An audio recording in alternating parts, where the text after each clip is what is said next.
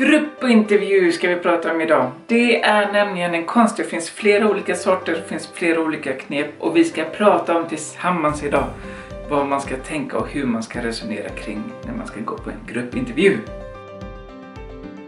Första frågan man måste ställa sig det är varför har denna arbetsgivaren gruppintervjuer? Och det absolut vanligaste anledningen till detta det är för att man ska på ett snabbt och effektivt sätt göra ett första urval bland kandidaterna. Av de som sedan går vidare intervjuar man mera sedan.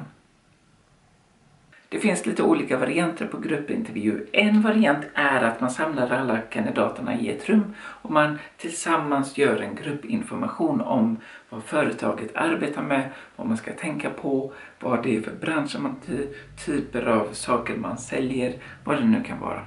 För att sedan från den här salen av människor gå och plocka en och en för att göra snabba, eh, korta intervjuer och detta är fortfarande för att göra ett första urval.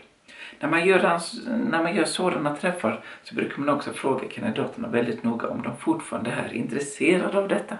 Det är bara så mycket som man kan skriva en annons och sedan när man först träffar kandidaterna, det är då man kan berätta mycket mer om vad arbetet fortfarande innebär, vad det är för typ av person man söker, vad det är för egenskaper och erfarenheter och så vidare. Saker som man kan försöka förklara i en jobbannons men man kan förklara väldigt mycket tydligare när man träffar kandidaterna och kan svara på deras frågor. En sådan gruppintervju kan också resultera i någon slags test. Att man får göra ett skrivtest, ett monteringstest eller vad det nu är för test som arbetsgivaren tycker är meriterande för den här tjänsten som de söker. Dessa snabba korta intervjuerna är väldigt snabba. Man har max fem minuter på sig och då gäller det att vara påläst och veta vad det är man vill få sagt till den här arbetsgivaren. Man kan inte få en andra chans på ett första intryck. Så går man därifrån och man kommer på sedan att oh, jag vill säga det här också, det här, den här erfarenheten är nog också meriterande. Då är det tyvärr för sent.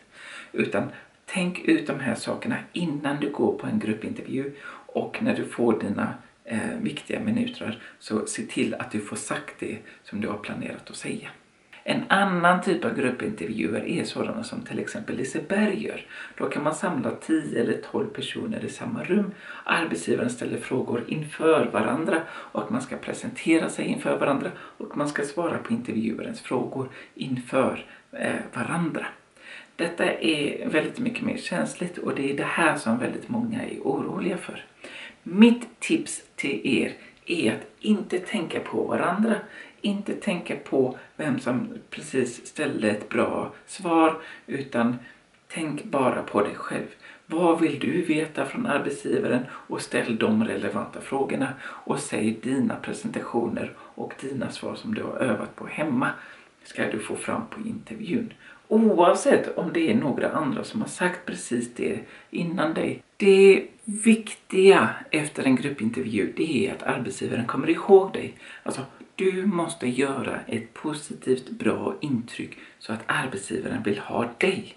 Den ska komma ihåg vem du är för att du gjorde någonting speciellt kanske på gruppintervjun och den vill kalla in dig på en andra intervju. Hur man gör detta är en mycket svårare fråga. Det gäller såklart att ställa relevanta frågor. Ställ inga dumma frågor utan relevanta, bra frågor som du vill ha svar på. Det gäller att presentera sig på ett bra sätt och det gäller att svara på arbetsgivarens frågor på ett bra sätt. Och inte ta över, inte vara dryg och inte liksom, ta för mycket plats i rummet. Eh, detta beror ju också lite på vad det är för bransch. Är det en säljare som ska ta mycket plats så kan man också tänka sig att gruppintervjun går ut på att se vem som folk tittar på och vem som tar plats i rummet. Är det däremot ett arbete där man ska sitta bredvid en person och lyssna mycket och eh, ge eh, kandidater tid för att reflektera så ska man ju mer ge ett sådant intryck och att mena att man är duktig på detta inför den här arbetsgivaren. Så vad du ska ge för intryck till arbetsgivaren beror väldigt mycket på vad arbetsgivaren arbetar inför, vilken bransch. De slutliga knepen är att det är precis samma knep som en vanlig arbetsintervju. Var påläst, kom med tid, ställ relevanta frågor och gör bra intryck. Den stora skillnaden är att du till stor del ska göra detta inför de andra som söker samma arbete som du.